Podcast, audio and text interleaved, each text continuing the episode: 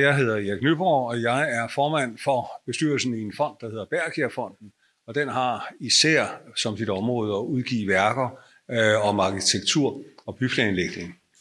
Og øh, anledningen til, at den her bog kom og blev til en bog, øh, var, øh, at jeg stod og kiggede på Nyhavn og blev øh, meget trist over at se, hvordan den meget smukke række af huse øh, er totalt skamferet af øh, markiser og forsorgsrestauranter osv. Ikke at der er noget galt med hverken forsorgsrestauranter og markiser, men den massive mængde af dem i sig selv ødelagde for, i mine øjne øh, et af de smukkeste steder i København. Og øh, dertil kom så øh, også sådan en bedrøvelse over den almindelige drukkultur i øh, dele af den indre by. Ikke at jeg ikke kan lide at gå på druk heller, men, øh, men altså øh, efterhånden kommer jeg ikke i Indreby, hvad det angår. Der holder jeg mig øh, i brug, til brugkvartererne, der er meget rare. Øh, og det gør jeg ikke, øh, øh, det gør jeg, fordi at øh, det simpelthen er blevet så banaliseret, hvad der foregår i byen. Jeg har ikke lyst til at være der. Nå, øh, det kan så anledning til, at jeg foreslog min bestyrelse, at vi skulle udgive en bog, der så skulle hedde, hvordan man ødelægger en gade. Øhm, og øh, så skulle vi jo have nogen til at skrive den, for det kan jeg ikke. Og øh, vi fik tre forfattere til at stå for det, deriblandt Martin Særlang, der sidder her i aften. Og øh, de skrev øh, noget, jeg havde troet skulle være en lille pamflet på 50-70 sider, det til en bog på et par hundrede sider i stedet for. Det blev vi ret glade for, for vi synes, det var en god bog. Og den er så udgivet og blevet anledning til øh, vores øh, debat, diskussionsaften her i aften, hvor delemnet øh, er turisme. Og, øh, og det foregår på den måde, at vi har et panel øh, bestående af, øh, af Franziska Rosenkilde, vores borgmester, Københavns borgmester for kultur og fritid. Og så har vi øh, Martin Særlang, som er den ene af forfatterne til bogen. Og så har vi øh, Mads Vestergaard Olesen, som kommer fra Strømmer, eller Strømmer, jeg ved ikke, hvordan man siger det. Ja, og så har vi Lise Lyk, som er centerleder ude på CBS, med blandt andet turisme som emne. Og øh, vi gør det på den måde, at hver enkelt deltager øh, i panelet kommer med et lille indlæg, 5 maksimalt 10 minutter, øh, lige introducerer sin egen holdning til emnet. Og når vi så er kommet øh, paneldeltagerne igennem, så åbner vi for spørgsmål, debat og kommentarer fra salen. Vi afvikler inden for halvanden time, skal være færdige i halv ni.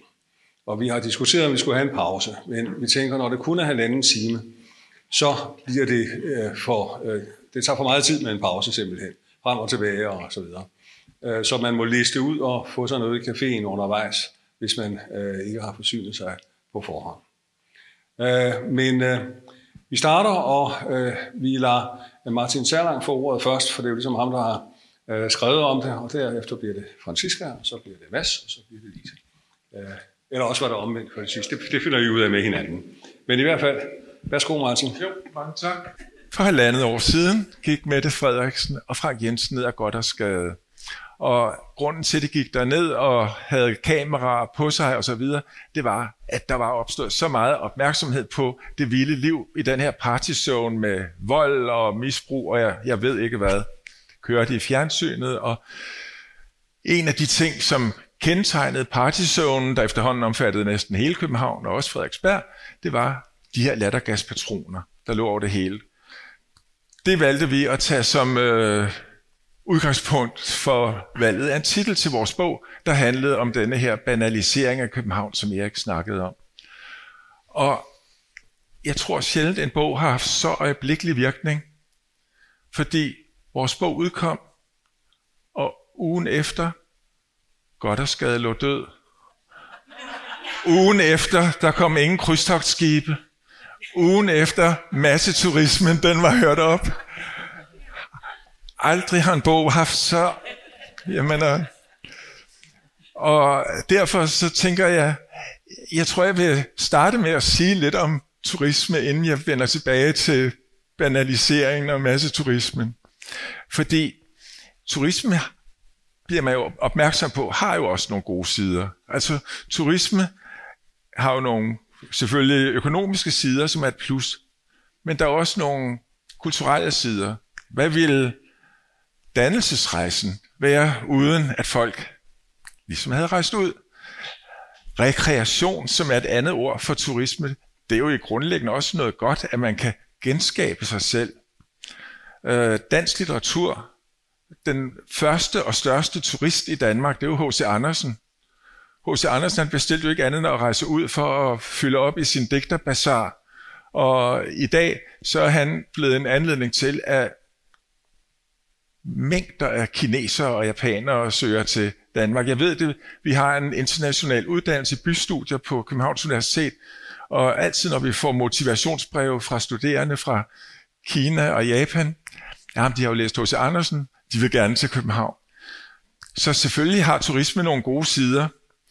Turisme har også nogle gode sider på den måde, at den kan bidrage til et byliv. Og det er noget, man kunne se, det er noget, man kunne se med sådan et fænomen som hoteller. Jeg ved ikke, om jeg har tænkt på hotellets historie. Jeg gider ikke fortælle hele historien, men omkring den franske revolution, der skrev øh, den tyske filosof Kant et lille skrift, en lille pamflet, der hed Den evige fred. Og i Den evige fred, der konstaterer han, jorden er kugleformet, så vi kan ikke slippe af sted fra hinanden. På et eller andet tidspunkt, så løber vi ind i hinanden på den her kugle, som vi bebor. Og derfor introducerede han et begreb, som han synes burde være en af menneskerettighederne, nemlig hospitalitet.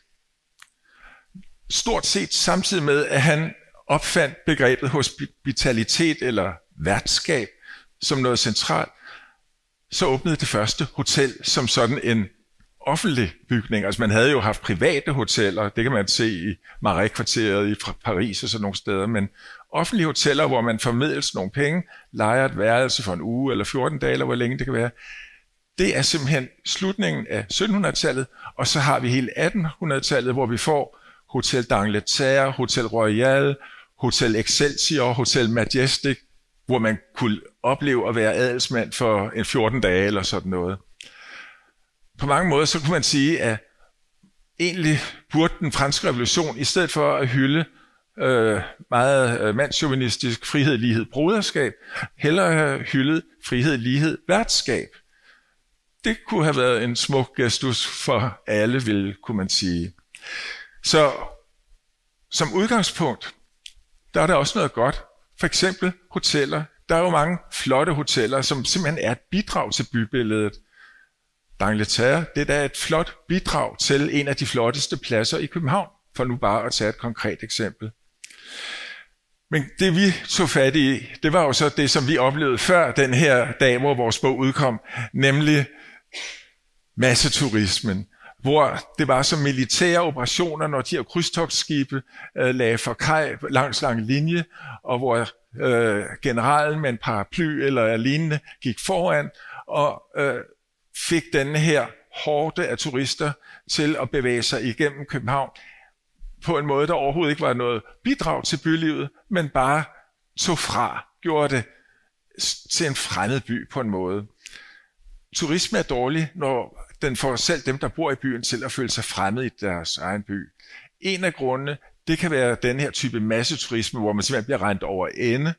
En anden type, det kan være det, som øh, nogen har oplevet, mere måske i andre byer som Berlin, Barcelona, Prag, Venedig, Airbnb, hvor ens egen opgang pludselig forvandles til et hotel, fordi øh, ens medbeboere de egentlig mest bruger det til at lege ud til, til fremmede.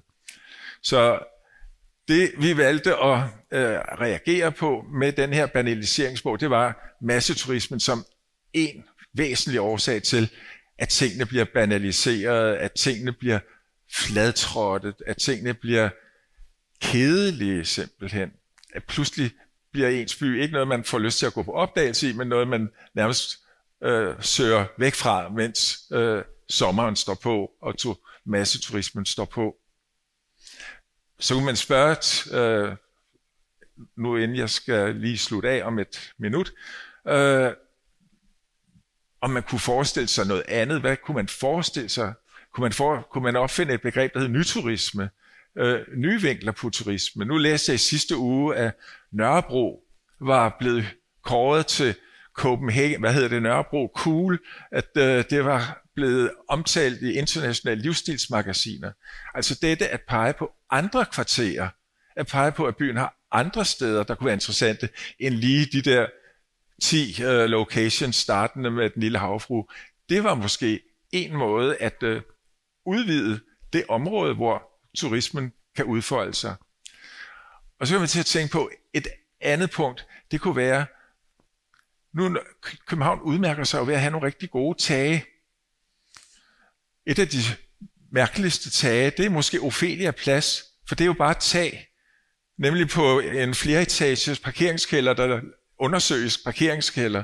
Men Ophelia Plads, synes jeg, er et rigtig, rigtig godt bidrag til øh, det nye København. Tage på restaurant, på hoteller, på Hotel Guldsmeden, øh, på restaurant Nem, der er jo lavet tagterrasser. At man har en forbrændingsanstalt på Amager, Amager Bakke, hvor man har lavet taget til et skihopbakke. Altså dette, eller dette, at man har tænkt på at lave en bypark. Det er så aldrig blevet til noget, men man tænkte på at lave en bypark på Magasin, og man har lavet en tagrestaurant på Ilum. Der tænker jeg, det kunne være sådan en model for at finde andre steder, andre lokaliteter, at det ikke bare bliver ligesom de her øh, Nyhavn, den lille havfru og sådan nogle ting, der øh, ligesom bliver voldgæstet. For det er jo det, matcheturisme er. Det er jo voldgæsteri. Ja, værsgo, Ja, tak for, for ordet, og øh, tak fordi I er kommet her til aften alle sammen øh, til denne her gode samtale. Jeg tror sådan set bare, jeg vil fortsætte, hvor du øh, slap, øh, i forhold til, øh, til det, først med, med de gode ting med turisme, øh, ud over det, det perspektiv, så synes jeg også, der er det perspektiv, at, øh, at det sådan øh, øh, livlige og mangfoldige kulturliv, der er i København, er afhængig af turister. Øh, vi går desværre ikke selv så meget ud, at vi kunne opretholde hele det kulturliv, vi har i København. Så det vil sige, når vi gerne vil på museer alle ugens dage, eller ud at spise, eller i teateret, så er det også meget betinget af, at der kommer andre og byder ind i denne her økonomi. Så den gode, der er også en god side i, ikke kun bygningsmæssigt, men Udover kulturudvekslingen, så er der også det, at turister jo byder til vores kulturøkonomi i byen, som også gør, at vi synes, det er dejligt som københavner at være i København. Øh, der, hvor det har været... Øh, der, hvor jeg også synes, at, at den knækker for mig, og også politisk, jeg, øh, det er ingen hemmelighed, at jeg er politisk leder af Alternativet også, og arbejder for en bæredygtig omstilling af vores samfund. Og det, som jeg synes, der kendetegner den turisme, vi kendte, øh, før jeres bog udkom, øh, det var jo denne her, øh, i hvert fald i lokale områder, en masse turisme, som var decideret ikke bæredygtig. Øh, så så øh, for mig, øh, der er det her begreb bæredygtig turisme blevet noget at arbejde efter. Øh, og og i, med mine briller på, der er en af de store øh, sådan øh, djævle det her, det er jo, at vi har, ligesom så mange andre steder i vores samfund, et, øh, et vækstparadigme, vi også kører på turisme, at det er pengene, der, der er det vigtigste, og det vil sige så mange, så meget, så, så stort som muligt, mase ind, fordi det er penge i kassen, frem for at tale om, jamen, hvad har det af værdi? Hvad betyder det for københavnerne? Hvad har det af, af velvære i en hverdag? Hvad betyder det for vores natur? Og så videre, så videre, så videre. Øhm, så jeg synes, det er rigtig vigtigt, at vi skældner mellem den bæredygtige turisme, hvor at øh, tingene er i balance dybest set, at det at være københavner og besøge København, begge får noget positivt ud af det. Øh, hvorimod at det, der har udviklet sig, også i København, men jo især også i andre europæiske by, øh, store byer, det er jo netop en, en, en turisme, der ikke er i balance, hvor at, at det faktisk hverken er rart som turist at være der, og det er heller ikke rart for dem, der bor der. Øhm, og noget af det, som har været vigtigt for mig at arbejde for politisk, det var dels at prøve at simpelthen stoppe for krydstogsskibe i København. Og sige, at øh, vi skal ikke være en, øh, en by, der tager imod krydstogsskibe. Hvorfor skulle vi? Øh, vi kunne også bare vælge at sige nej tak til den form for turisme. Øh, og da jeg gik lidt mere ned i de tal, så var det faktisk også ret tydeligt at se, at de turister, de gæster, der kommer med krydstogsskibe, det er faktisk dem, der bidrager allermindst til København. De er her i kortest tid. De øh, besøger sjældent andet end de der top 5 på, øh, på øh, enhver pamflet, man får øh, fra en turistvejledning. Og de overnatter her ikke, de spiser ikke, de har ligesom det hele all inclusive på deres øh, krydstogsskibe. Øh, så man havde også, pludselig havde jeg et økonomisk incitament for at gå med det her, og jeg ved, er der noget, der batter i politik, så er der at have et økonomisk incitament frem for bare det natur, eller velvære, eller hvad for nogle andre bundlinjer man kunne have. Øh, det viser sig så, at det må man ikke. Der er en lov, der siger, at man skal som havneby tage imod øh, både, der kommer. Så det var decideret, øh, det kan være, at du også ved mere om det, det ved jeg ikke. Men det var i hvert fald decideret ulovligt at lave et forbud mod øh, krydstogsskibe. Så er der så nogle forskellige slags krydstogturister, som man kunne opdele mellem Altså dem, der starter og slutter her, eller dem, der bare passerer. For der er igen også ret stor forskel på den adfærd. Men de er så tit på samme skibe. Så det er også svært at sige, at nogen må gå i land, og nogen ikke må gå i land. Så det blev mere og mere komplekst. Men ikke desto mindre, så øh, kom der dog en, en debat omkring det, og det blev også vedtaget, at øh, man skulle kigge mere på de miljømæssige krav i det mindste, altså landstrøm, og prøve at gøre det mere miljømæssigt bæredygtigt. Men, men det kommer vi jo ikke... Øh, det kommer vi ikke den sociale bundlinje i møde med, hvis vi skal kalde den den i forhold til Københavns trivsel, både som by, men også som beboer. En anden ting, som jeg også synes er vigtigt, som øh, jeg ved også fra, fra Københavner, der stresser med det her turisme, det er jo de her kæmpe turistbusser, som, som kører meget i Indre By. Øh, i gader, lidt apropos nattelivet, altså en adfærd, der slet ikke øh, er hensigtsmæssig i små gamle brostensgader eller øh, tætte baggårde, altså hvor man kan simpelthen ikke, øh, man kan ikke rumme den adfærd, øh, uden det generer alt for mange omkring sig. Øh, og de her turistbusser, som jo i sin tid var fossildrevet, jeg tror nok, at mange af dem nu er ved at omlægge til el, og det er jo også fint nok i forhold til luftforurening og klima eller miljø, men det har jo stadig en trængsels, et trængselsproblem, som vi ikke adresserer ved at lade dem øh, alt for store busser køre rundt ind i, mindre, øh, ind i de mindre by, øh, gader. Og jeg mener sagtens, at man som turist til København, altså vi må gerne stille nogle krav i vores by, og sige, jamen når du besøger os, jamen så er det på offentlig transport, det er på cykler, det er på metro, det er på små elbusser, det er...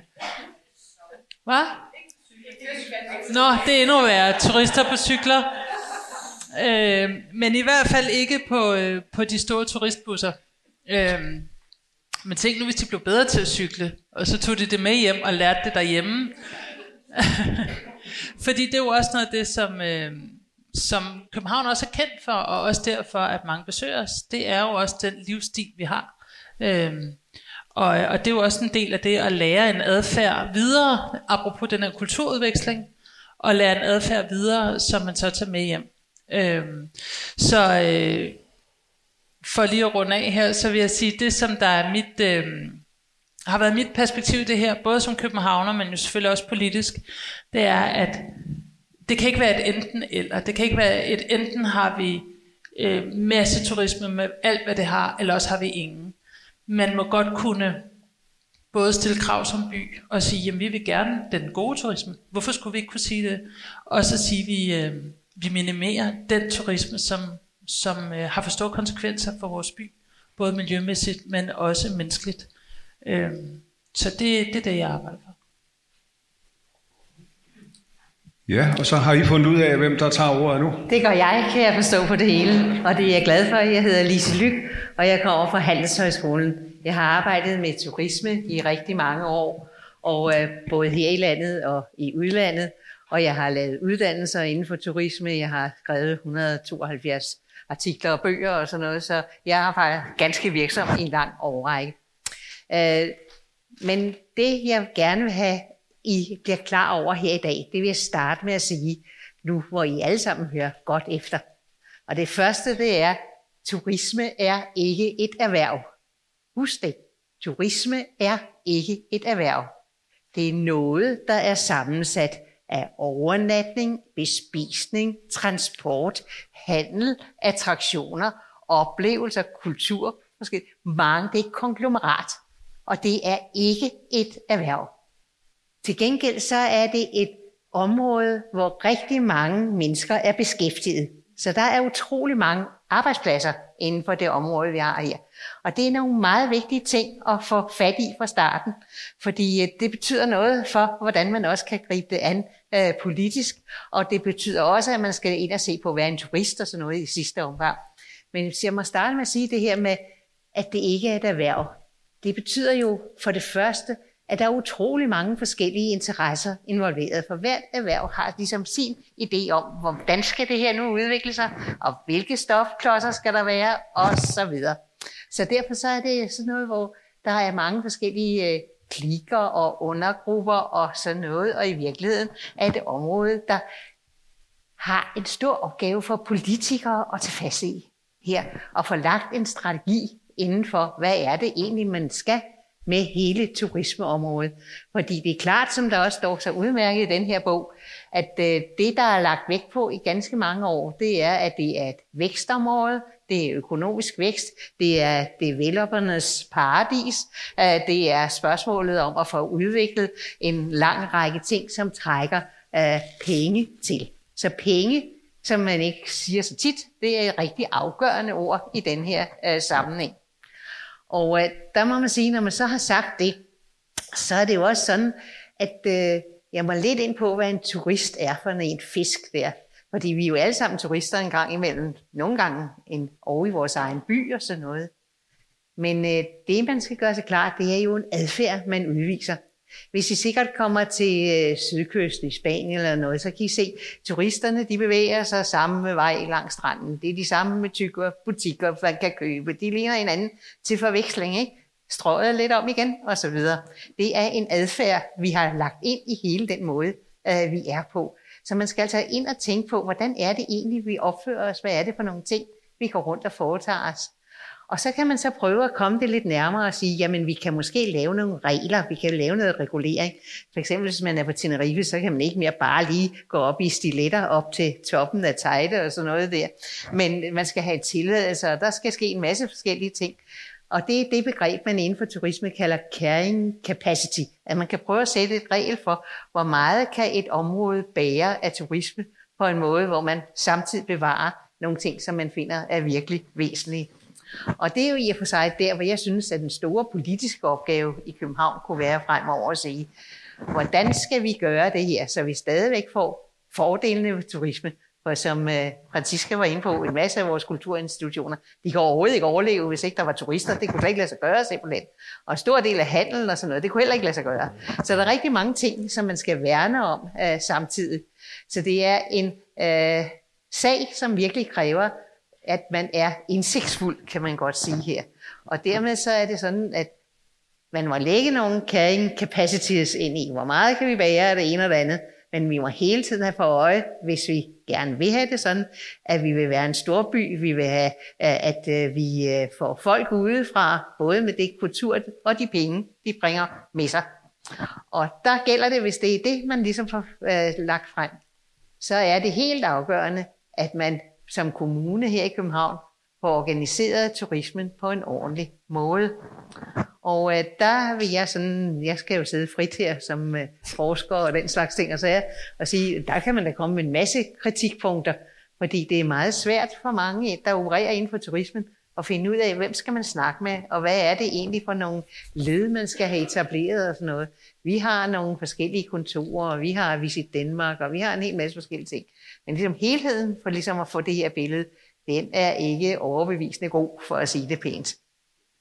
Og så er det jo rigtigt, som øh, nogle af de ting nu øh, med turisme, og også med den bystil, som øh, der gørs meget ud af her. Altså så er der den periode med de gennemsigtige huse og så videre, glas.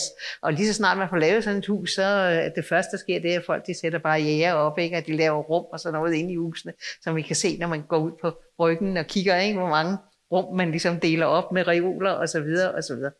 Så der er jo en masse i det her, som altså også har med menneskelig adfærd at gøre.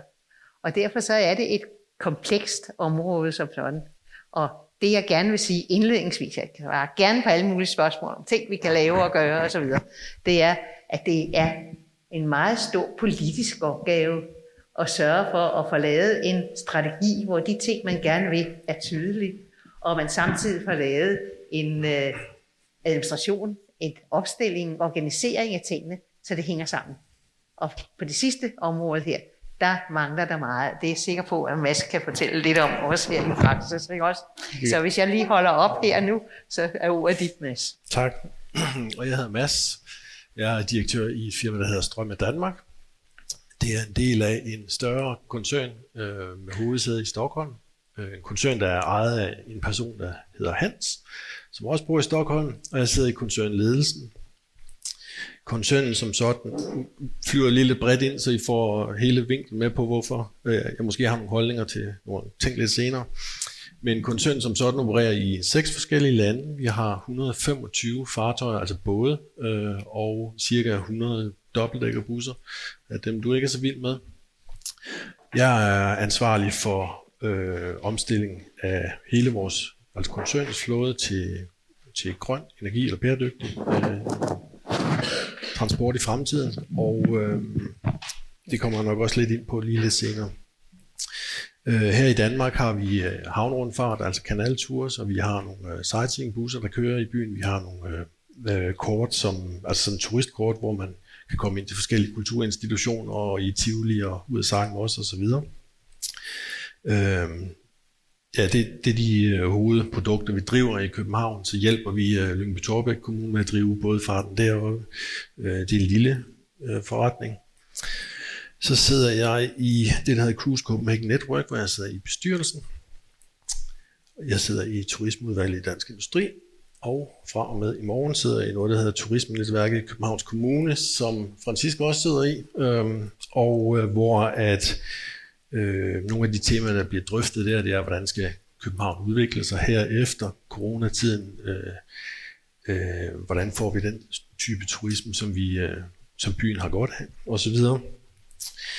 Øh, som de andre har været inde på, så er der jo rigtig mange positive effekter af turismen. Dem støtter jeg selvfølgelig også op om. Jeg er helt enig i, at der er øh, mange steder, hvor at turismen øh, får for meget.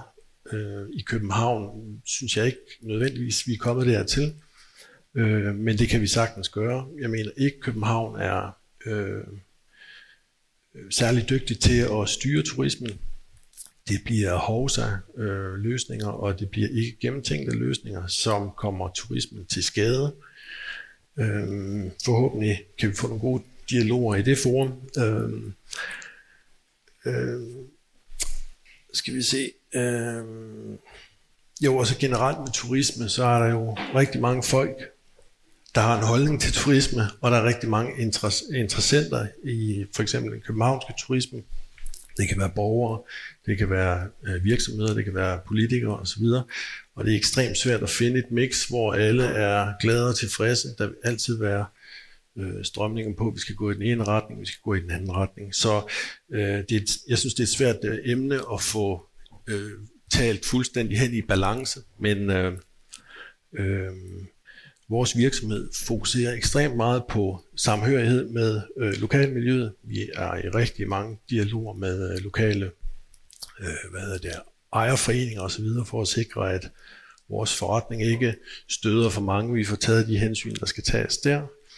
Øhm, og øhm, øh, så støtter vi selvfølgelig kulturen øh, på alle mulige forskellige måder. Øh, vores virksomhed er også en del af kulturlivet i København. Og øh, så, har jeg lige lyst til at komme med en kommentar til det med dobbeltdækkerbusserne. Øh, de er rigtig fotogene, og de er rigtig meget sådan turistagtige. Øh, hvis vi skal perspektivere det, så kører der omkring 20-25 maksimalt den type busser i København, når det kører på fulde tryk. Øh, Københavns Kommune har 130 turistbusser, der kører børnehavebørn ud hver morgen, og øh, der kører vel omkring 1300 busser i Movias trafiksystem, så så øh, de busser bliver rigtig, rigtig, rigtig synlige, øh, og bliver ligesom øh, klassificeret som dem, der transporterer turisme, øh, og det er dem, man er træt af. Øh, på den anden side set, så vil jeg sige, det er jo ekstremt effektivt transportmiddel, og belægningsprocenterne øh, Procenterne i de busser er høje, og vi får folk transporteret ud i områder af byen, hvor at turisten ikke vil komme af sig selv, for eksempel øh, ud på Reffen eller ud til Frederiksberg, eller hvor det kan være. Så øh, den går ind i to veje. Altså hvis du skal have turisterne ud af byen, bliver du også nødt til at hjælpe dem ud af byen. De kommer ikke ud af byen af sig selv. Det var lige indflyvningen herfra. Er der lyd på? Ja, det er der. tak. Se, nu åbner vi så for kommentarer og spørgsmål fra salen, og da det her jo bliver optaget med henblik på, at der skal klippes en lille, øh, et koncentreret debataften sammen, så er man nødt til at have mikrofonen for at øh, have ordet, og øh, så skal jeg have mikrofonen tilbage, og, øh, ja, og så render jeg rundt med den. Så øh, hvem ønsker at komme med noget? Der er en markering der. Du får det med det samme. Sig lige dit navn, når du starter. Værsgo. Jeg hedder Kirsten Wedgwood, og øh, jeg er tidligere formand for Turistførerforeningen og medlem af Turistførerforeningen. Og så tænker I, hun er hvad? Hvad for en forening? Uh, Turistførerforeningen, har du nogensinde hørt om det? Nej. Nej. Mads kender os, Lise kender os også. Vi er verdens ældste turistførerforening, og vi har eksisteret siden 1933. Og titlen turistfører har vi haft siden, ja, vi ændrede det fra fremmedføring øh, til turistfører, og det er stadigvæk lidt altmodisk, men vi holder fast i den gode gamle titel, øh, og øh, vi er guider. Simpelthen. Men en turistfører er uddannet ude på RUK, og øh, kan blive medlem, hvis man ønsker det, af vores forening. Og øh, jeg har iklædt mig mit lille emblem, jeg har her, som øh, viser, at jeg er en veluddannet guide for RUK. Øh, jeg hopper jo meget i sædet, når jeg hører, hvad der bliver sagt heroppe. Og jeg har boet i Lille Strandstræde i 1974, så jeg så udviklingen, du talte om, og kommer heller aldrig i, lille, i Nyhavn selv, om jeg bor i Indre By. Um, så jeg bor ikke ret langt fra Goddersgade. Jeg bor i Sølgade, så jeg kender også til problemet der. Men med hensyn til øh, overturismen, så er der jo også noget historie omkring det, fordi det hele begyndte jo med de krydstogsskibe. Jeg har været medlem siden 1997, så jeg har faktisk set udviklingen. Og jeg har kolleger her, vi er faktisk ret mange, der sidder her, der er turistfører, som har været i foreningen meget længere end jeg har. Øh, så vi har faktisk set den udvikling, der er kommet siden Berlin, Berlinmuren forsvandt. For der lå København som den lille smørklat på vej til St. Petersborg og alle de andre spændende steder. Derfor er massiv krigs, øh, krigsskib, havde jeg sagt, krydstogsskib også øh, lagt an. Jeg er ikke enig med dig, at de ikke lægger penge, fordi vi har rigtig mange uh, turnarounds, som det hedder, hvor, og det nævner du også, hvor man kommer ind til København, starter krydstogtet eller slutter det her. Vi har rigtig mange opgaver, hvor vi giver dem en lille tur, og så hælder vi dem af på et hotel, før de tager hjem. Vi har cykelguider, vi har mange byvandringer, og så har vi også øh, busturene, både i København og uden for København. Altså det er jo ikke os, der lægger, øh, øh der lægger øh, planerne. Så I skal have fat i os, det vi kalder for incoming-byråerne. Det er dem, der faktisk håndterer øh, alle de opgaver, som vi bliver booket til, og også booker busserne, og vi kommer altså ikke ind i de små gader. Der er ikke plads til os med busserne. Så jeg vil bare lige gøre opmærksom på, at vi har en fin hjemmeside. Den hedder guys.dk, og den kan man gå ind og se på, som også fortæller lidt om, hvem vi er. Vi er cirka 225 medlemmer, og vi guider på omkring 23 forskellige sprog.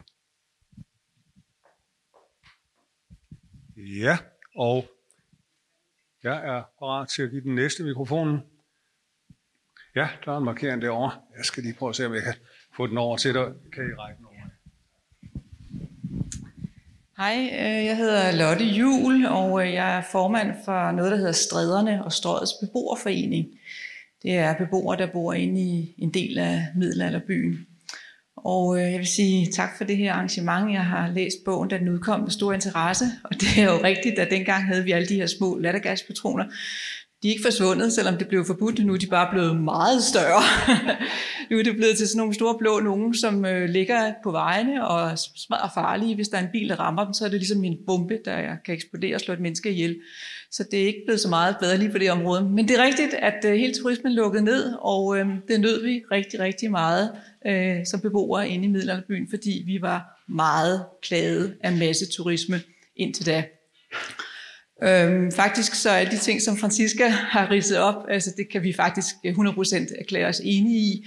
Det er præcis de ting, som vi var meget generet af.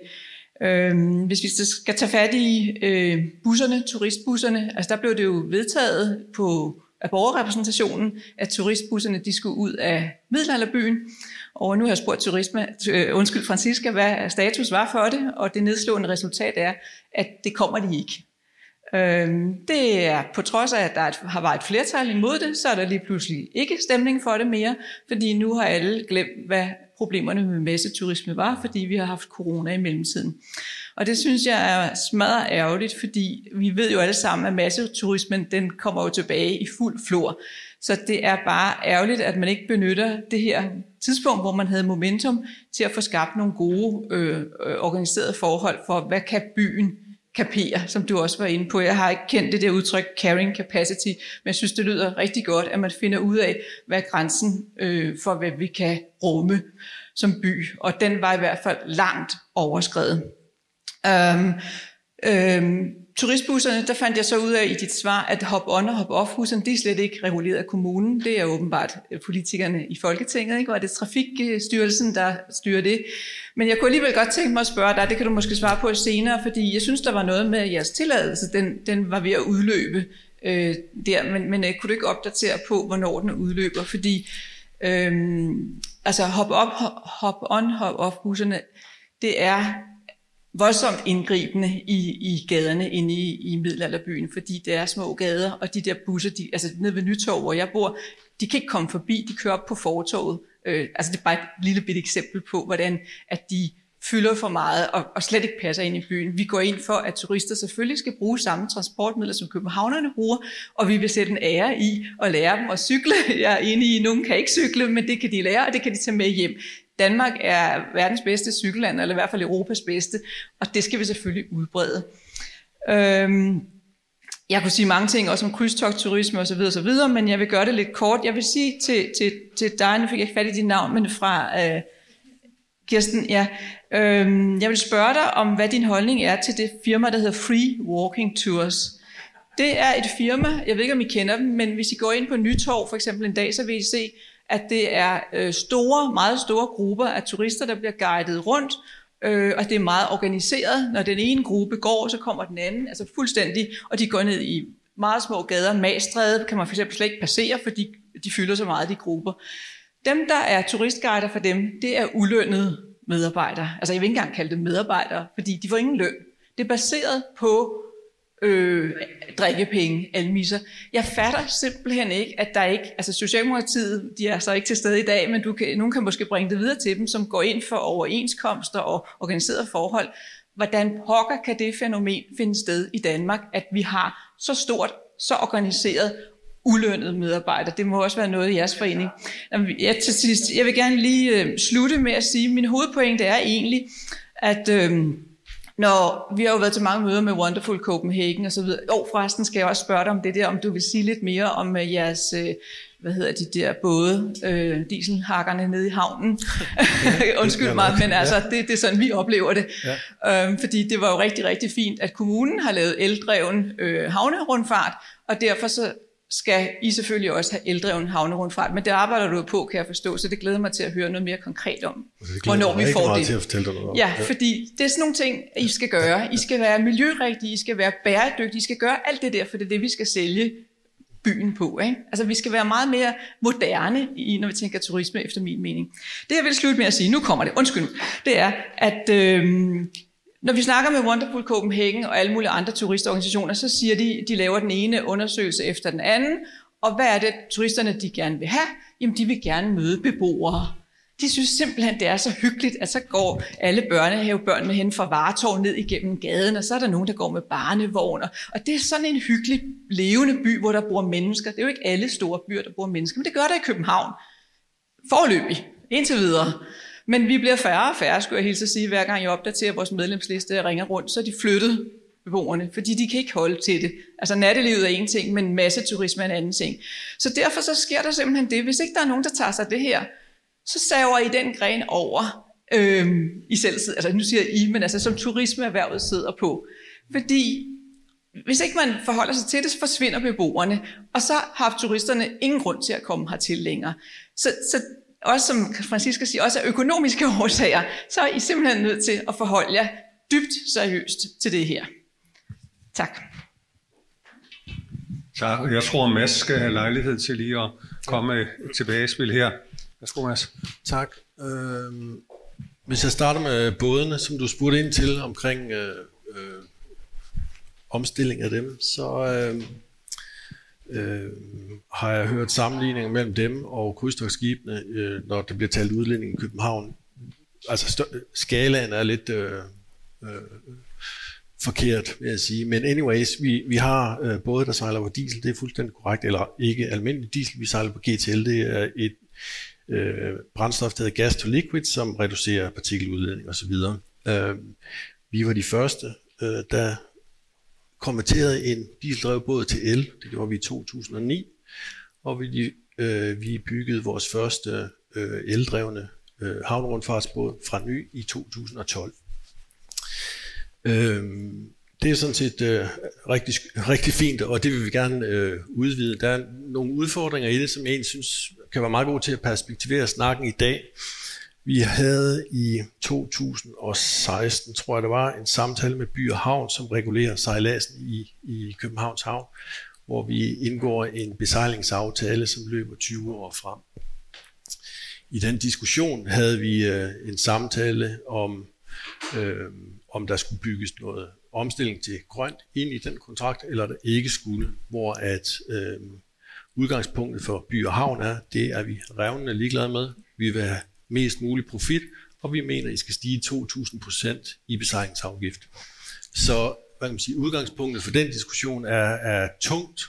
Det fri, friholder os ikke for at øh, arbejde med omstilling. Det, der øh, giver os nogle udfordringer lige i øjeblikket med omstilling, det er selvfølgelig corona og økonomi. Vi skal have det finansieret.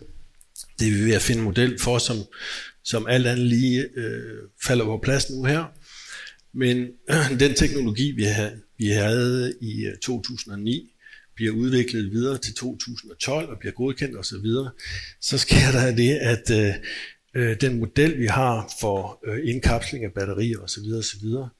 Øh, Søfartsstyrelsens krav til øh, materiel forandrer sig konstant, så vi kan ikke rigtig få en stordriftsfordel, eller vi kan ikke få en, øh, en modeltype, som vi kan bruge fremadrettet. Lige i øjeblikket, der har vi den elbåd, vi havde fra 2012 ude af drift, det har den været i cirka 9 måneder eller noget i den stil på grund af tekniske udfordringer. Så det er, ikke, det er ikke fordi, vi ikke vil. Vi vil gerne have en model, som giver mening for os, og som vi kan investere i på øh, de efterfølgende både. Når vi så taler om øh, omstilling til grønt, så er der også nogle andre udfordringer på bussiden for eksempel.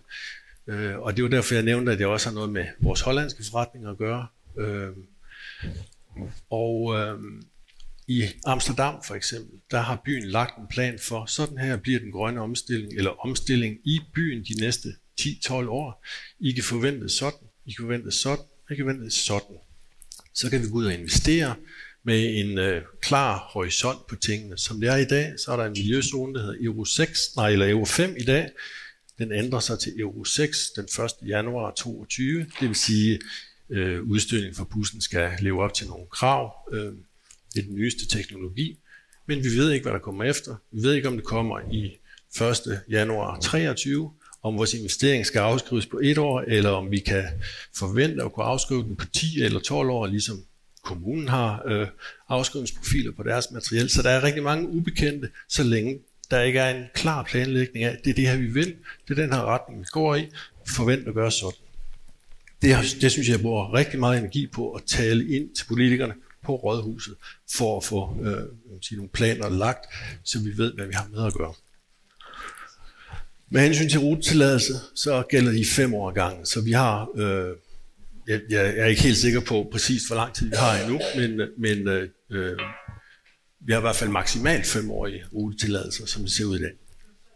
Uh, nej, vi, jeg holder lige en rækkefølge. Vi skal ikke have for meget pingpong. Vi skal have bredt debatten ud øh, i hele salen, så øh, jeg har et par markeringer fra andre steder, og du havde en markering. Værsgo. Ja.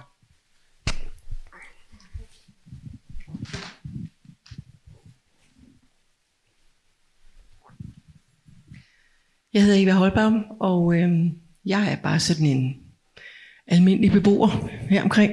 Øh, og øh, jeg har øh, gjort mig mange tanker om turisme, både selv som turist selvfølgelig, og øh, en, der øh, meget ofte er forfærdeligt generet af de der enorme masser, fordi det er eksploderet. Det er simpelthen, vi er ude i nogle grader, hvor vi slet ikke kan have med det at gøre mere. Jeg boede i Thailand i nogle år, og der fandt de ud af, at øh, de øh, gad ikke længere have rygsækturister, for de lagde simpelthen ikke penge nok. Til gengæld så fandt de jo så efterhånden nu så ud af, at de der rygsækturister måske var billigere for samfundet, end mange af dem, der kom med rigtig mange penge. Øhm, jeg øh, drømte i mange år om at komme til Dubrovnik. Det lykkedes for nogle år siden, og jeg fik simpelthen mit livs chok. Den gamle by i Dubrovnik, eksisterer, der er kun 800 boliger, var der cirka på det tidspunkt, som stadigvæk er ejet af folk, der kommer derfra. Resten er solgt til turister, til turistfirmaer. Det er en kirkegård af kultur. Jeg vandrede rundt i to timer for at finde en dagligvarerbutik, og til sidst så fandt jeg en kiosk og solgte bananer. Sådan må vi simpelthen ikke ende. Jeg talte med nogle øh, aktivister ved øh, en organisation, der hedder Friends of the Earth. De havde til sidst forhandlet sig til med bystyret, som jo øh, altid måske ikke er det mest regelrette, men de havde forhandlet sig til et vis antal max øh, antal øh, krydstogsskibe i døgnet. De fleste døgn, når det nu lige passede ind. Og vi skal altså lige se med i betragtning, hvor mange tusind mennesker, der er på sådan et. Og når de lander ind på Kongens Nysorg og breder sig som en tsunami, det er, det er simpelthen ikke umuligt. Det er ikke umuligt at være her. Og jeg bor ikke engang i Middelalderby. Men jeg ser slidet, og jeg husker jeg tror aldrig, jeg glemmer, hvor slemt det var i Dubrovnik. Eller hvor slemt det for øvrigt blev i Venedig. Måske bliver det aldrig lige så slemt i København, men det skal vi sørge for, at det ikke gør. Øh, og, og det kræver virkelig, virkelig en aktiv indsats nu. Mange, på mange områder er det allerede gået rigtig, rigtig galt. Vi har fået arkitektur og en hel masse andet, som det er for sent at gøre noget ved. Men det her, det må vi bare ikke tabe på gulvet. Øh, så de vigtigste spørgsmål, det er, Hvem vil vi have besøg af? Hvor mange vil vi have besøg af? Hvordan vil vi have besøg af dem? Og hvorfor vil vi have besøg af dem? Og det er en sindssygt vigtig politisk opgave, og jeg kunne rigtig godt tænke mig at få dit input til, hvad kan vi gøre? Ja, og jeg har et par stykker over talerlisten. Jeg har dig, jeg har dig og så, øh, vi, ja, og så har jeg dig, Lise. Øh, og øh, jeg kan jo lige sparke ind her. Selv jeg læste i Berlingeren i går, Øh, eller i forgårs, at i Barcelona øh, har borgmesteren faktisk besluttet, at man vil prøve at halvere antallet af turister i Barcelona. Nu er Barcelona nok lidt mere plaget af masseturisme, end vi er, men der gør man det altså. Og så vidt jeg ved, har man altså faktisk stoppet for krydstogsskibe i Venedig. Så et eller andet må man kunne gøre. Nå, men øh, vi tager rækkefølgen Lise, og så får du ord, og så får du ord. Du har, og du vil gerne også, ja, yes. Du har din egen mikrofon. Nå ja, undskyld. Det var jeg lige ved at glemme. Men øh, jeg vil meget gerne sige noget om de spørgsmål, du rejser der. Fordi øh, det er jo det, der hænger sammen med, at man har en dårlig strategi, en dårlig målformulering for, hvad det egentlig er, man vil, og en rigtig dårlig organisering af turismen. Jeg synes, de eksempler, som øh, Mads kom på frem med her, de viser så tydeligt, at vi ikke kan få ting til at hænge sammen på den måde, vi har organiseret sig her i København. Og øh, vi taler jo tit om, hvor smarte vi er. Sådan noget. Vi er i hvert fald ikke smarte, når det gælder sådan et uh, område med turisme og den måde, vi organiserer det på. Der er virkelig rum for forbedring her, det vil jeg nok sige. Og det er jo, som jeg sagde før, at der er så mange forskellige interesser, så medmindre man får lagt en plan politisk, og jeg synes faktisk, det er Københavns Kommune her, der skal lave en plan, efter min mening. Det er ikke Visit Danmark, det er Københavns Kommune. Og øh, nu bliver der sagt noget om by og havn, og det er jo helt klart, at by og havn har jo et kæmpe profitmotiv i alt, hvad de har lavet, øh, og det er jo deres formål. Og det vil jo så sige, at mindre man laver noget form for regulering, så skal de jo forfølge deres formål osv. Så, videre. så derfor kan man ikke forvente, at de der ting, de ændrer sig af sig selv. Og det er derfor det overvejende spørgsmål med turisme, det er i og for sig, at man erkender, at der er så mange forskellige interesser involveret, og man så prøver at få lavet en plan, som kan hænge sammen, en organisering, som kan hænge sammen, en målsætning, som kan hænge sammen. Og nu blev der nævnt sådan noget som Venedig, og det, det er flere af de her steder, der har jo øh, kommet ud over deres carrying capacity, ikke sandt, der har lagt nogle regler for, hvad kan man gøre, og så videre.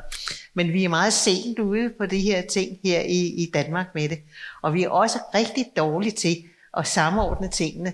Og det er derfor, altså, nogle af de gode initiativer, som Mads øh, nævner her, ikke? hvorfor skal han sidde og kæmpe med alle de her problemer? Hvorfor kan vi ikke lave en plan, så man kan se, hvordan skal det være øh, miljømæssigt de næste 5-10 år, så man kan lægge nogle planer og investere efter det? Det er jo helt urimelige vilkår, at man byder både erhvervsliv og folk og beboere i det hele taget. Så derfor er der jo en helt overordnet politisk opgave i det her. Og derfor nu er det jo snart kommunevalg og så videre her. Ikke? Det kunne jo være så skønt, hvis det var sådan, så man i forbindelse med sådan en valg sagde, vi vil have orden på de her ting. Vi vil have nogle mål med det her, og vi vil organisere det anderledes. Vi vil gøre noget. Og det er irriterende ud over alle grænser, at vi er så dårlige til det, det vil jeg sige.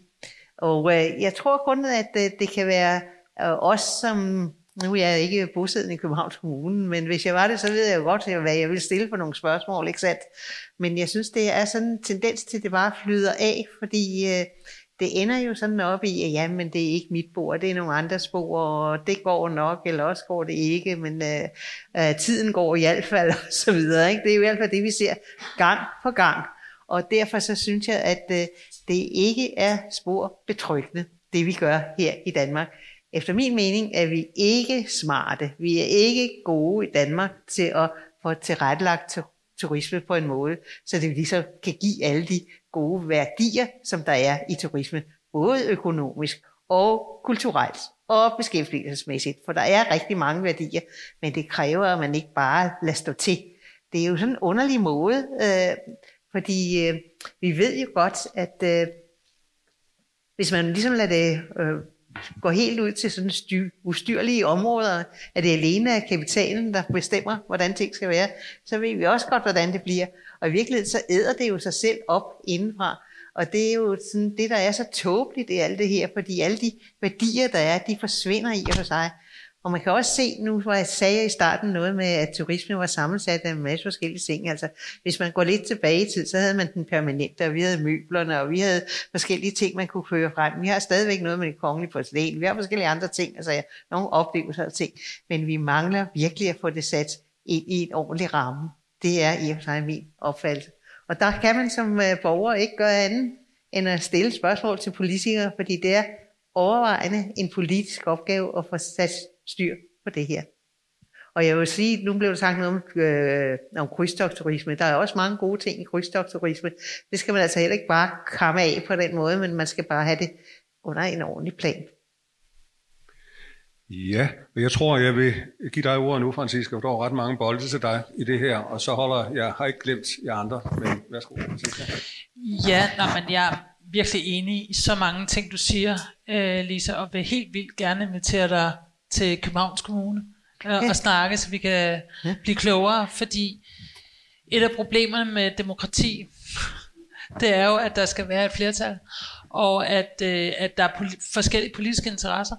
Og, øh, og apropos det, at der er kommunalvalg, jamen så må man jo stemme efter dem, man mener vil arbejde for den sag, man mm. tror på, mm. frem for at, øh, at stemme på de andre. Altså, og det kan godt være, at det lyder lidt banalt, men dybest set, så, så er det jo fordi, at der sidder nogen med magten, som har en anden agenda. Mm. Fordi det er jo ikke sådan, at, at folk lader stå til. Der er bare en anden prioritering. Altså, fordi der er en prioritering af, at, at, øh, at pengene betyder mere. At væksten betyder mere, end hvordan man oplever det som borger i København. Det, det er tydeligt, at det har en højere værdi, når man taler politik. Og det synes jeg er, er den forkerte vej at gå, som jeg har sagt flere gange.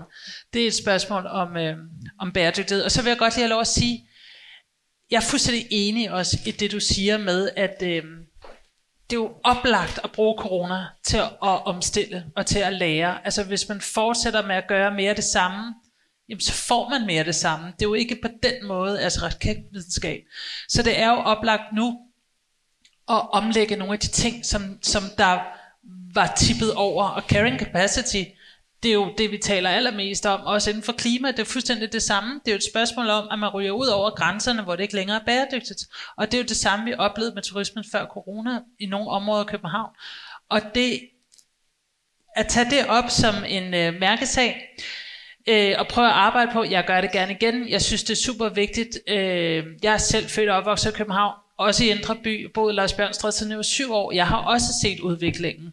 Øh, det behøver man ikke være uddannet guide for, det kan man godt se også bare ved at bo her. Øh, så jeg forstår udmærket, hvad det er for nogle ting, øh, der er på spil her, og jeg synes som folkevalgt politiker, ærligt talt, at borgernes stemme er mindst, hvis ikke mere vigtigere end erhvervslivet eller alle mulige forskellige former for, øh, for interessenter. Og det kan i hvert fald ikke være rigtigt, at de bliver ved med ikke at blive hørt. Og jeg synes, at vi har længe hørt borgere, der har klaget over det her. Øhm, og derfor er det da et kæmpe politisk ansvar at lave en strategi, man kan bruge til noget på det her område her. Der er så bare nogle forskellige interesser, som jo ikke vil det samme. Og så er det så, at vi kommer tilbage til et kommunalvalg i forhold til, hvad det er for nogle interesser, man synes, der er vigtigt for sin by. Men øh, ja, så, øh, så, så, så det der er svært ved at komme efter corona, hvis man ikke har de briller på, hvor man siger, det skal vi selvfølgelig udnytte. Det skal vi selvfølgelig bruge til at blive bedre. Hvis man ikke gør det, hvilket ikke er det, der er følelsen på Rådhuset, det er nærmere, lad os skynde os at komme tilbage til business as usual, og skynde os at komme tilbage med ordentlig gang i væksten og i driften og alt det her, så vi, så vi kan komme tilbage. Når det er det, der har fokus, så er det rigtig, rigtig svært at samle et flertal omkring og ville en, øh, en anden vej og en anden strategi. Øhm, men, men jeg, øh, jeg synes, det er vigtigt, og jeg fortsætter gerne med at prøve. Tak, Francisca. Og så får du mikrofonen. Ja, det var egentlig bare et øh, kort spørgsmål øh, til dig igen. Altså, hvornår er dit bedste bud, at øh, jeres øh, havnehonofarter er 100% grønne? Det er det ene spørgsmål, og det andet det er, om du kan sige mig, hvornår, altså jeg fik ikke fat i, hvornår jeres øh, hop-on, hop-off tilladelse, den udløber. Øh, og så øh, vil jeg sige, selvom man taler om økonomi, og det er pengene, der styrer, jamen, altså det at have beboere i middelalderbyen i Indre By, det er penge, det er lige med penge. Altså faktisk, så skulle I give os nogle guldhatte eller sådan et eller andet, fordi altså, vi kan også give os nogle folkedragter, et eller andet, som, øh, altså så vigtigt siger jo, det, det, det kender I formodentlig de der svar fra Wonderful Copenhagen, altså de vil, have, de vil se liv, der leves, en levende by, så, så jeg forstår egentlig ikke, hvorfor det er, at man så ikke gør noget mere for beboerne, for at bevare beboerne, men man gør så meget for at genere dem. Altså, det var egentlig bare det samme boligpolitik, det er det samme liv, det er jo det samme hele vejen rundt. By og havn, godt eksempel. Vækstdrevet hele vejen igennem. Men skal du holde de spørgsmål lige et øjeblik, så du får ordet lige om lidt, fordi nu giver jeg det videre her. Jeg hedder Jørgen Oranje, sig til, hvis den runger, fordi så er det svært at høre. Øh, jeg er restauratør, øh, også i, øh, i Indre By. Og jeg vil sige, vi har brug for hjælp simpelthen. Vi har brug for alle jer gråhårede, som sidder til de billige kvadratmeterpriser i de store lejligheder i det indre København og brokker jer over natteliv, turister, og jeg skal komme efter. Vi har virkelig brug for, at I kommer ud af starthullerne og forsvarer jeres privilegier. Fordi vores problem er, at den der masseturisme, den er simpelthen ved at save vores branche midt over. Vi er ved at komme i samme situation som svinebønderne, og jeg håber, at Mads har øje for det. Svinebønderne, de har, de har lavet de her store haller derude på, øh, på Lars Tønskeds pløjmark. Så fylder de slagtesvin ind, der skal fodres op. Så henter de soja og hvad vil jeg fra regnskovene i Brasilien og i Indonesien og hvad vil jeg. Og det vælter de ned i deres store haller. Så henter de arbejdskraft i Rumænien og i Polen, og jeg skal komme efter dig. Det fylder de også ind i de store haller. Og så øh, smider de, øh, hvad hedder det, øh, så smider de øh, foderdyrkning ud over vores marker, udrydder totalt vores biodiversitet, og det overskydende kvælstof, det smider de ud øh, til havet, så fiskerne kan få lov til at få fornøjelse af et hav, der ikke er nogen fisk i. Og så stiller de sig op, og så siger de, arbejdspladser. Arbejdspladser. Der var, men er der nogen, der spørger dem om, de der arbejdspladser, er det danske arbejdspladser? Hvor bliver den til at skat betalt henne? Og så videre, så videre. Og vil vi i det hele taget have de arbejdspladser? Så siger, så siger svinbønderne, jamen vi, øh, vi eksporterer jo 80 op til 90 procent af vores produkt. Det giver eksportindtægter i kassen. Jamen det er rigtigt, det gør det.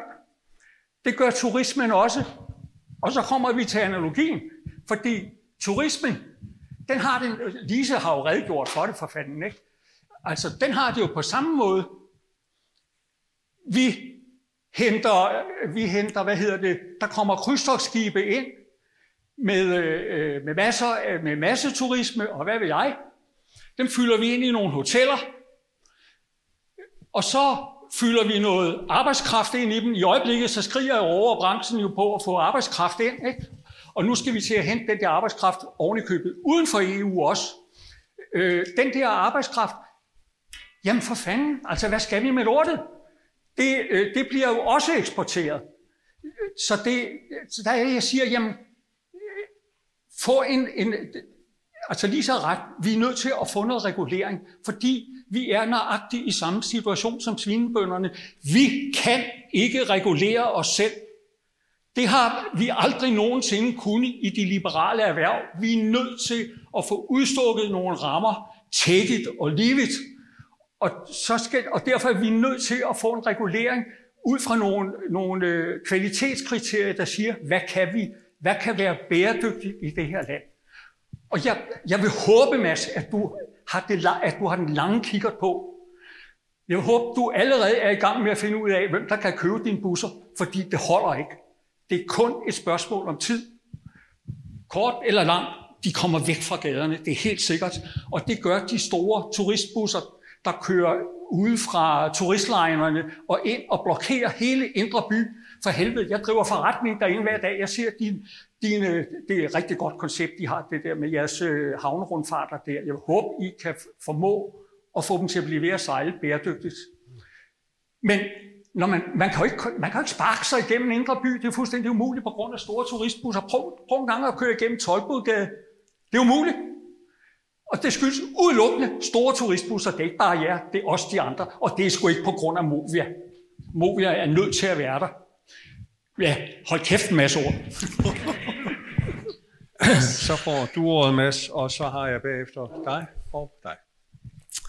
Der er også, ja. Ja, nu hvor skal vi lige starte. øhm,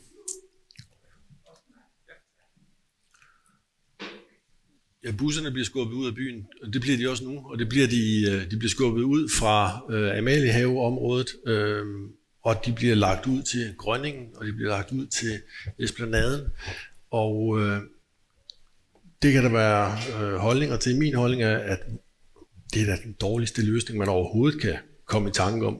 Turisterne kommer til at vade frem og tilbage i byen derfra, uden at lægge en krone nogen som helst steder.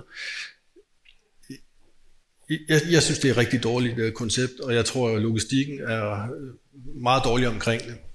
Anyways, det er en beslutning, der er truffet på rådhuset, så øh, øh, de må have en plan med det. Uh, anyway, jeg går til dine spørgsmål. Rutetilladelser. Jeg kan ikke sige dig præcist, hvor lang tid min rutetilladelse den, øh, gælder i dag. Jeg har ikke datoen på det, men maksimalt fem år. Du er velkommen til at få mit kort bagefter, så kan jeg give dig besked bagefter. Uh, eller så kan vi følge op efterfølgende. Med hensyn til grøn omstilling, så har vi som koncern øh, fordelt på alle lande øh, målsætninger og planer for, at vi i 2030 har reduceret vores udslip med 50%, og i 2040 er klimaneutrale øh, eller klimanegative. Øh, hvad var der mere? Jo, øh, der har været lidt forskellige øh, input jeg er fuldstændig enig med, at de lange briller bliver man nødt til at have på. Dubrovnik er død, set fra min, fra min stol. Øh, København kan ikke øh, komme i samme position, eller det, det giver ikke mening. Vi, vi, Vi har ikke vores forretninger i fremtiden, hvis vi fremdriver en turisme, som er totalt uinteressant og som bliver øh, overeksponeret for andre turister. Jeg tror, jeg tror ikke på det. Så jeg giver dig sådan set ret i, at der skal ske et eller andet, og jeg giver også dig ret i, at øh, brillerne bliver nødt til at have på, på, på, på et andet øh, plan, end, øh, end de byer, de har haft. Øh, jeg synes også, at København skal øh, regulere det og søge råd. Lise, du kan være et rigtig godt bud, men nogle af de løsninger, der kommer, de bliver, altså det, det er klatmalerier, og det er udokumenteret. Nu gør vi bare sådan af en eller anden årsag. Øh, så ja, det var feedbacken på det. Jeg kommer til at springe dig over, tror jeg. Får den nu? Nej, for jeg blev faktisk stillet et spørgsmål om dig med hensyn til, om jeg kendte noget til dem herinde på Rådhuspladsen i allerhøjeste grad. Fordi uh, Turistførerforeningen er også medlemmer af det, der hedder FEC, Federation European Guides. Det vil sige turistførerforeninger i EU-landene, og vi er også medlem af World Federation. Um, som formand var jeg til mange møder nede i Bruxelles, og uh, jeg kan huske en af de første år, og det er jo efterhånden 13-14 år siden, der sad jeg og tænkte, hvad er det, de taler om? Uh, ham i der Sandemand, og, og, og så jeg så hørte, at det var de her free tours, så tænkte jeg, gud, så var vi heldige i København, det har vi ikke. Der gik et år, så stod de der. Og det er de her såkaldte gratis ture. Og øh, det handler om, at øh, øh, jeg har ladet mig fortælle, øh, at man får taget et gruppebillede, når de, alle de her turister, de står om denne her guide med en paraply. Det gør vi altså ikke. Øh, og øh, så er det noget med, at man betaler denne her gratis tur med drikkepenge. Øhm, så kom der jo alle de andre, blandt andet øh, dem du nævner, og øhm, der er jo mange, der har fundet ud af, at det kan betale sig at stå inde på Rådhuspladsen under en paraply og tilbyde de her ture. Øhm, det blev jo også en konkurrent, en konkurrent til os, øh, uddannede turistfører. Øh, så jeg brugte masser af timer på at få fat på Rådhuset, for de stod lige uden for jeres dør. Det var som at slå i en dyne. Man blev kørt fra det ene sted til det andet, så Lise, tak, ja, lad os lige få noget organisering omkring det.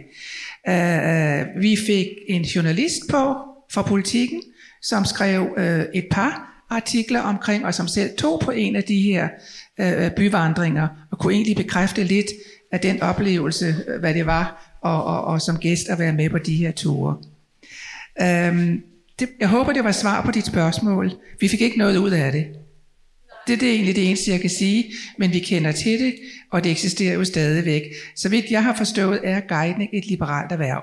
Alle kan kalde sig for guider, men det er ikke alle, der kan kalde sig for turistfører. Og øhm, ja, vi nærmer os øh, vores sluttidspunkt, så jeg tænker til allersidst, så får paneldeltagerne lige et minut hver til at sige noget. Så jeg vil bede øh, dem, der får ordet nu, om at være kortfattede og holde sig til de emner, vi har gang i allerede. Det er ikke dig endnu. Sorry. Det er en af jer her. Jeg hedder Henriette Brink. Øh, jeg har en lille øh, virksomhed i turismebranchen, og så er jeg også turistguide og underviser også på turistfaguddannelsen. Øh, på Roskilde Universitet. Og der har jeg deltaget i nogle øh, projekter, hvor vi har forsøgt at arbejde på at sprede turismen i samarbejde med Wonderful Copenhagen. Men det er virkelig vanskeligt, fordi sjovt nok så er det sådan, at de turister, der kommer til København for første gang, de opfører sig ligesom når vi andre kommer til Paris første gang, så vil vi altså også gerne se både øh, Louvre og Montmartre og øh, Eiffeltårnet. Og sådan er det altså også i København. Og jeg kan virkelig godt forstå, hvis man bor inde i Indre By, især i Tolbodgade, at så har man et problem med nogle af de turistbusser, der holder ulovligt parkeret der. Men der vil jeg altså godt lige sige, apropos udenlandsk arbejdskraft, det er ikke de danske busser med danske chauffører, der holder ulovligt parkeret der. Det er udenlandske turistbusser med udenlandske chauffører. Øh, og politiet er i gang, så de forsøger at gøre noget ved det, men der kan nok gøres mere. Nu forstår jeg, at øh, nogle af de busser de bliver så henvist til i fremtiden at kunne parkere på langs med Grønningen, og det er jeg helt enig med Mads i. Det er en absurd idé i mine øjne. Det er at flytte problemet bare et andet sted hen, og jeg frygter virkelig, at vi en dag kommer til at få en ældre amerikansk dame, der er blevet kørt ned, øh, fordi øh, der, de skal over krydse flere store gader for at komme hen til Amalienborg Slot. Det, det er virkelig igen synes jeg, et eksempel på dårlig organisering. Det er lappeløsninger, som vi også hørte lidt om i starten. Og så vil jeg også godt sige, øh, du, du talte, Lise Lykke, om noget med adfærd. Det bliver mit spørgsmål til dig. Har du nogle gode eksempler på, hvordan at man kan ændre turisternes adfærd. Fordi os, der er turistguider, vi er faktisk nogle af dem, der tager dem i hånden og er sammen med dem, enten på en gåtur, eller en bustur, eller en cykeltur, eller lignende. Øh, så vi har en meget, meget stor mulighed for at påvirke en hel del af de turister, der kommer øh, til København. Og det er også noget af det, vi har arbejdet på på Roskilde Universitet. Vi kalder det den lærende turisme. Er der en eller anden måde, vi som turistguider for eksempel kan flytte øh, eller gøre gøre deres adfærd anderledes. Vi kunne for eksempel ikke drømme om at stå med en gruppe på 50 personer i Magstræde og, og ikke gøre det muligt for andre mennesker at komme forbi. Altså vi tænker selvfølgelig også godt om at sprede os ud af den slags ting. Øh, så ja, det var det med, med adfærden. Og værsgo. Goddag, mit navn er Preben Påske.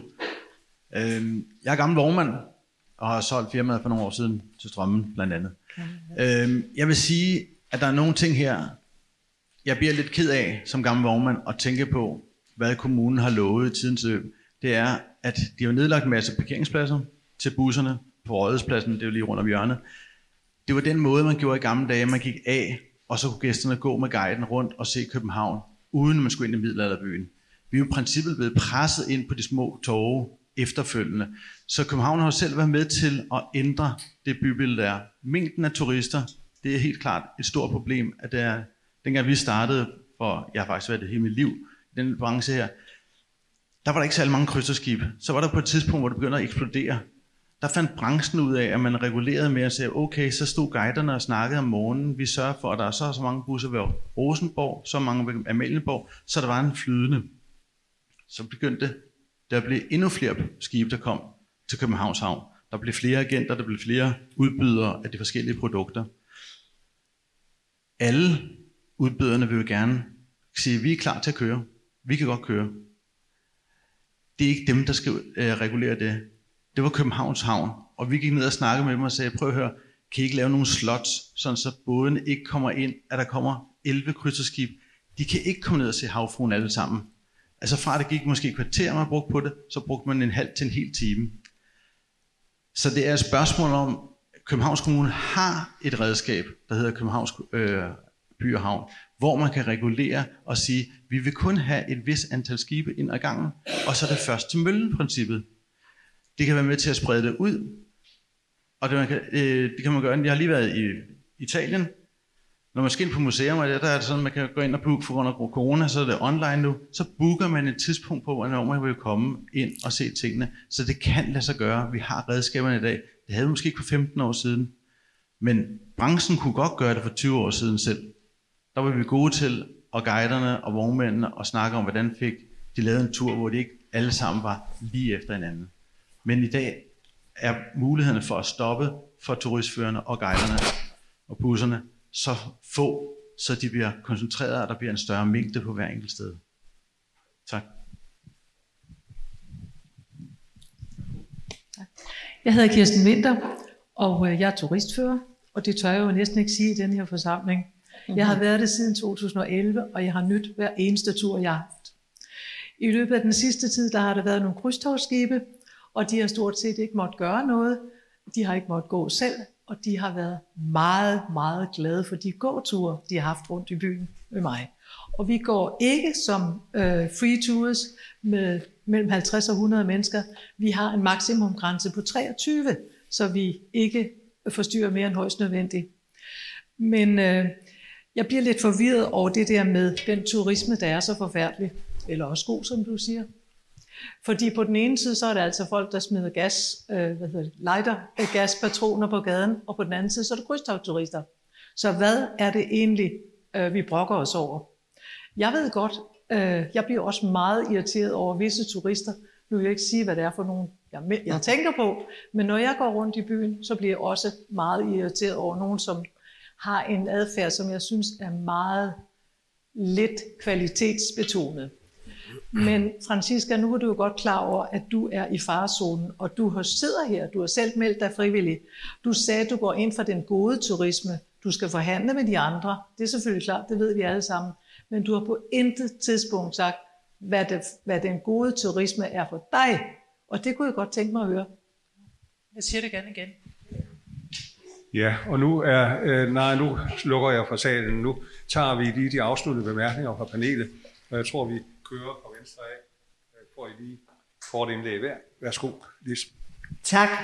Uh, der var nogle spørgsmål her til sidst. Det ene spørgsmål, det er i virkeligheden et spørgsmål om det, vi inden for økonomi kalder køteori. Det har vi jo meget fine modeller for. Vi bruger dem jo bare ikke, fordi man kan ligesom se, det hænger sammen med carrying capacity, hvor man kan sige, hvor mange kan der komme igennem, hvor hurtigt osv. Uh, altså, vi kender jo forlystelser, som har kender det her system udmærket godt med kø. Altså, hvis man stiller op i Disneyland, ikke, så kan man se, hvornår kan man komme til, hvor lang tid tager en kø osv. Ikke? Men vi bruger det jo ikke i Danmark, uh, fordi vi er altså ikke så smarte her uh, til de her ting. Så der er virkelig meget, man kan gøre. Så jeg kan godt forstå, at øh, vognmænd, der tidligere har lavet nogle systemer, der har fungeret, de kan bare stå måbende tilbage og se på, hvordan øh, virkeligheden udfolder sig i dag. Når det så er sagt, så vil jeg jo sige, at det her andet spørgsmål, der blev rejst med adfærd, det er jo straks et meget vanskeligere spørgsmål at svare på, fordi der er ikke et egentligt svar på det. Vi kan også spørge, hvordan er vi selv, når vi kommer ud som turister, og som der blev sagt, ikke? vi går også hen de steder der, hvad skal man se i Paris, hvad skal man se det ene og det andet sted, eller vi har ligesom en gang, vi følger, ikke? jeg var lidt inde på det, hvis man er i Sydspanien eller et eller andet sted, den samme gang, ikke? men det spændende bagland, der ligger inde bagved, det er der ikke så mange, der opsøger.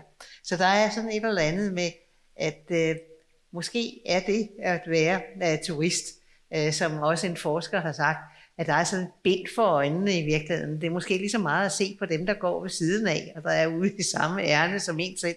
Måske er det overhovedet ikke ligesom at se noget andet, end ligesom at se øh, naboerne lidt tæt på, og den slags der. Ikke? Og det kender vi udmærket godt. Så det er jo noget med adfærd, og i virkeligheden så er det også noget med dannelse at gøre, ikke? og hvor dybt er kultur og sådan noget forankret i folk. Ikke? Og øh, jeg har ikke et endegyldigt svar på det, men jeg vil også sige, at jeg sætter stor pris på, hvis man fremmer alt muligt med øh, kultur, undervisning og uddannelse og sådan noget. Det har jo også ligesom ligget lidt bagudrettet i en del år, sådan, så der er også noget at gøre der. Og jeg tror faktisk slet ikke, man kan få sådan et øh, miljøvenligt øh, samfund, som vi ønsker os, og et klimavenligt samfund, uden at man ligesom får taget fat i det der dannelses aspekt igen øh, på en måde, så man ligesom giver det den værdi, som det tilkommer, at det ikke alene er er pengestyrelsen og de korte penge, vel at mærke, der er det regulerende. Ja. Og Mads, afsluttende bemærkninger. Ja, øh, ganske kort. Øh, jeg, jeg, jeg synes, vi prikker meget i den irriterende turisme. Jeg synes også, vi, det kan være fair nok lige at sige, at 80% af københavnerne, de er støttet op om mere turisme. 67 procent har aldrig oplevet nogle problemer med turismen. Så, så der er nogle andre tal i det også. Jeg forstår stadigvæk godt, der er nogen, der er irriteret. Absolut, og vi skal adressere det. Men jeg bare gerne lige vente den lidt om. Øh, og jeg er enig i, at øh, Nyhavn og den lille havfursen, det er steder, folk søger hen. Dem, der søger mest hen, det er jyder, for der kommer rigtig mange flere jyder, end der kommer nogle andre turister. Mm. Øh, og det er i hvert fald ikke kinesere. Eller de kommer i hvert fald meget, meget, meget små mængder.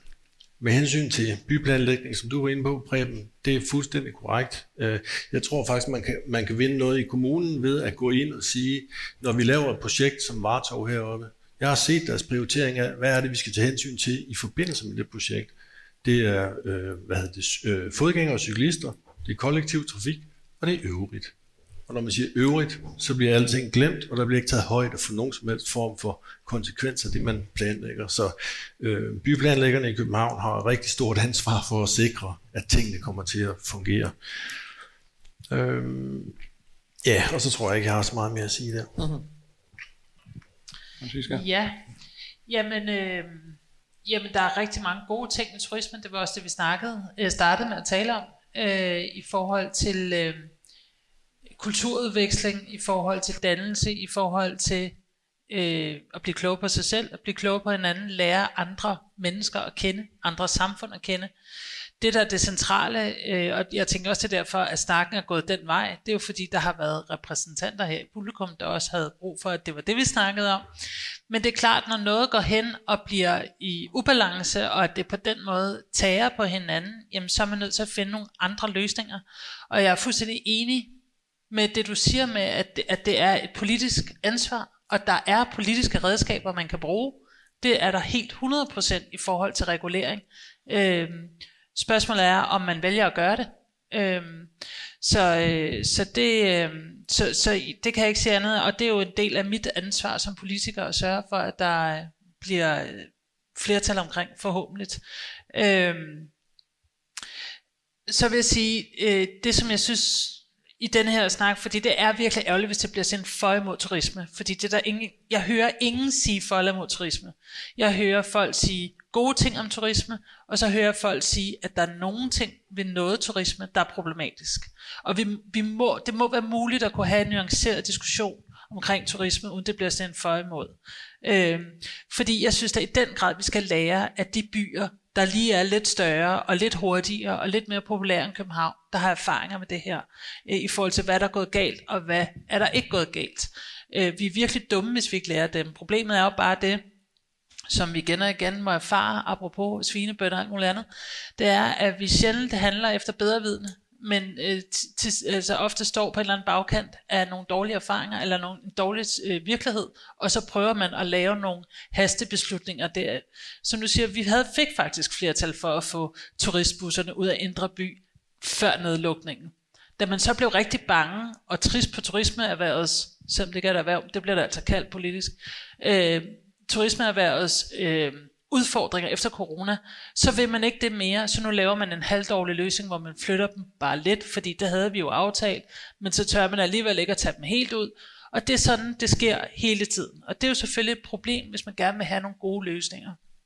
Så det er absolut et politisk ansvar, og det er bare for at lukke jer helt ærligt ind i nogle af de processer, som man bøvler med derinde på Rådhuset altså. Øh, inden coronanedlukningen, der så vi helt klart en krydstogt turisme i vækst. Og ikke bare i vækst, i massiv vækst. Og det var noget af det, der bekymrede mig. Øh, fordi det kan godt være, at de også lægger penge, det er jeg slet ikke i tvivl om. Men i forhold til de turister, der kommer med bil, med tog, med fly, så er det en helt anden adfærd, og det er en helt anden økonomi. Øh, og hvis det er, at vi skal ind og regulere, hvis det er, at vi skal ind og kigge på, jamen hvem og hvorfor og hvordan, jamen, så er vi jo også nødt til at kigge på, hvad er det for nogle turister, der kommer til, til København. Vil vi så fodre ind i det, som vi helst vil have, eller vil vi fodre ind i det, der bare giver mest? Og det synes jeg, der er en super vigtig politisk diskussion, og der er det, man skal hive kloge hoveder ind som Lise og andre til at give et mere øh, nuanceret og videnskabeligt blik på, jamen hvad betyder det rent faktisk. Øhm, så det håber jeg, vi får mulighed for i, øh, i det nye år, at snakke øh, turismestrategi og plan. Øhm, så ja, så det vigtigste herfra er bare at sige, at jeg er ikke for eller imod turisme, jeg er for bæredygtig turisme.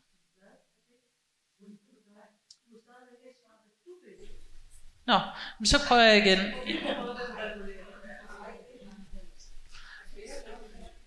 Ja, vi går videre til Ja. næste. Ja. Jeg synes, jeg har forklaret det, men øh, Øh, Martin? Jeg skal lukke og slukke, og øh, som øh, Erik sagde i starten, så øh, blev jeg og min medforfatter bedt om at skrive sådan en pamflet, der kunne sætte en diskussion i gang. Og jeg kan konstatere, at det lykkedes. Øh, Jeg har, jeg har selv lært meget af den her diskussion. Jeg synes, det er meget interessant at få en hel masse konkrete øh, oplevelses, øh, erfaringsbaserede input fra, hvor- hvordan det har været. Og Jeg synes, det var interessant både at have videnskaben i form af Lise, økonomien i form af Mads, og politikken i form af Francisca til at være med til at binde sløjfe. Så jeg binder egentlig bare sløjfe her og siger tak for i dag. Og det gør jeg også. Tak til publikum, tak til paneldeltagerne. Uh, have en fortsat god aften. Det har været en fin diskussion. Det var en fornøjelse.